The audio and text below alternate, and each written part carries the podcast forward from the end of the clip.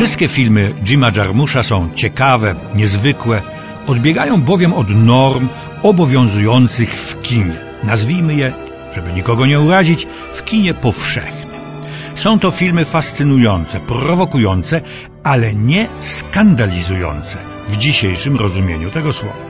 Podobnie zresztą jak ich twórca, równie niezwykły, odbiegający od norm, prowokujący i fascynujący. Rzecz jasna, są to filmy nie na każdą okazję i nie dla każdego.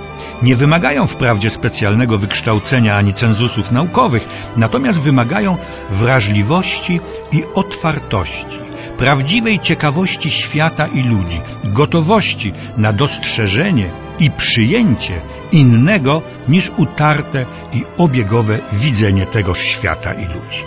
I jeśli taką gotowość mamy, czekają nas przeżycia i doznania, których nikt inny w taki sposób i w takim kształcie nam nie dostarczy. Mówiłem już o dwóch filmach Jima Jarmusza, Poza prawem i Niekończące się wakacje. Dzisiaj, dla pełniejszego obrazu, o filmie, który nosi tytuł Inaczej niż w raju. Rzeczywiście, zupełnie inaczej. Głównymi bohaterami jest troje młodych ludzi, Willy, Eddie i Ewa. Ewa przyjechała właśnie do Nowego Jorku, chce się zatrzymać przez kilka dni u Williego, jej kuzyna, ale celem Ewy jest Cleveland, gdzie mieszka jej ciotka. Wszyscy są Węgrami, którzy przyjechali tu jak do raju, do ziemi obiecanej, w której zaznają wreszcie nieograniczonej wolności i absolutnego szczęścia. Ciotka chce za wszelką cenę zachować swą narodową tożsamość, mentalność, obyczaje. Willy przeciwnie, chce oderwać się jak najszybciej i jak najskuteczniej od swych ojczystych korzeni i zostać stuprocentowym Amerykaninem. Tylko co to znaczy? Przecież i jego mierdzi płytkość i szarość życia, monotonia i brak perspektyw. Zaś Eddie, któremu podoba się Ewa, nie umie się zdobyć na żaden, choćby tylko gest, żeby wyrwać się z tego zaklętego kręgu. Ten film, który toczy się nieśpiesznie, w którym sceny pozbawione gwałtownego dramatyzmu przeważają nad scenami mrożącymi krew w żyłach, mówi jednak o człowieku, niekoniecznie żyjącym tylko w Stanach Zjednoczonych, więcej niż nie jedna klasyczna, efektowna, hollywoodzka opowieść filmowa. Jarmusz jest arcymistrzem w przedstawianiu ludzkich losów i to w konkretnych sytuacjach społeczno-obyczajowych w sposób zarówno wnikliwy, trafny, głęboki, jak i zaskakujący, oryginalny, niezwykły. Przytoczę jeszcze raz tę głoszoną i praktykowaną przez niego zasadę. Mnie nie interesują dramatyczne zdarzenia, dramatyczne fragmenty życia.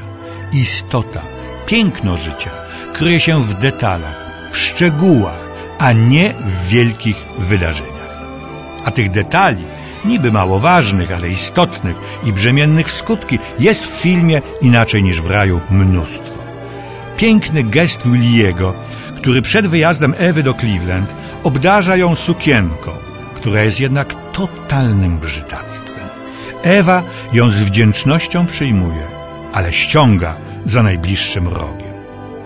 Wymarzona wycieczka nad wielkie jezioro, które jednak jest niewidoczne w gęstej mgle. Przegrana Williego i Ediego na gonitwach psów, co kładzie kres ich wspaniałej wyprawie. Niespodziewane zdobycie pieniędzy przez Ewę.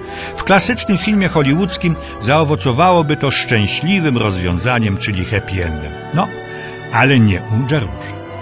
Styl Jima Jarmusza charakteryzuje się wolnym, spokojnym rytmem, długimi ujęciami, szerokimi kadrami, bohaterowie zawsze wtopieni są w tło, obserwacją bohaterów w ich mikroskali. Sam Jarmusz powiada, że czuje się najszczęśliwszy, kiedy robi film. Filmowanie podobne jest do seksu. Pisanie scenariusza to pokusa, uwodzenie. Zdjęcia to czysty seks, bo pozostajesz w bliskim kontakcie z ludźmi. Montaż przypomina okres ciąży, a potem rodzisz swoje dziecko. Kiedy kończę pracę, oglądam jeden jedyny raz swój film z publicznością. Nie chcę go oglądać więcej. Mam go dosyć. To wspaniałe, że widzowie mają swoje własne zdanie o tym, co oglądają. Często nie znajdują odpowiedzi na wszystkie pytania, jakie stawia film. Ale ja też nie znam do końca tych odpowiedzi. Jim Jarmusch interesuje się wieloma innymi dziedzinami, nie tylko filmem. Kiedyś zatruł się niejadalnymi grzybami. To spowodowało, że zaczął studiować mikologię.